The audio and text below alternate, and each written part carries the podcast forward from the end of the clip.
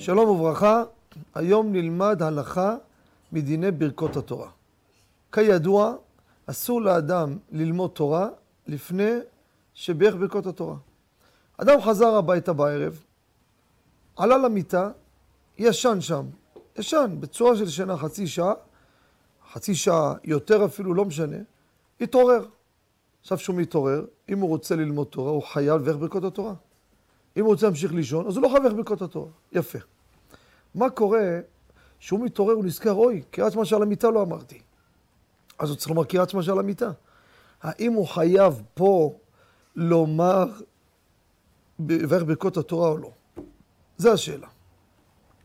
שולחן ערוך כותב, אדם שמזכיר פסוקים, לא מתכוון לשם תלמוד תורה. לשם תחנונים, לא משנה מה. מרן כותב, נכון לברך ברכות התורה לפני כן, לא חייב. הוא לא מתכוון לשם תלמוד תורה. רק נכון. על מה הוא מדבר? אחד שבבוקר רוצה להגיד עכשיו פסוקים, אז תגיד ברכות התורה. כל מקרה אתה חייב לברך ברכות התורה, הגיע הזמן. אבל פה, אם אתה לא רוצה ללמוד תורה, אין לך חובה. אז מה אני אגיד לך? נכון שתברך מה? זה יהיה ברכה לבטלה, אתה לא יושב ללמוד.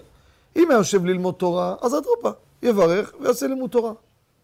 מביא בספר אור לציון, חמן ציון אבא שאול, אומר מה קורה אדם, פתאום רואה שזמן קריאת שמע עומד לעבור.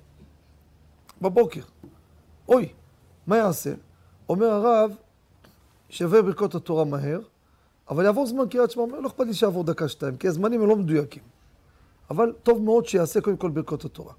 כי שם באמת הוא מתחיל את היום שלו, יש לו חובה, אז פה אני אומר, נכון שיעשה גם ככה.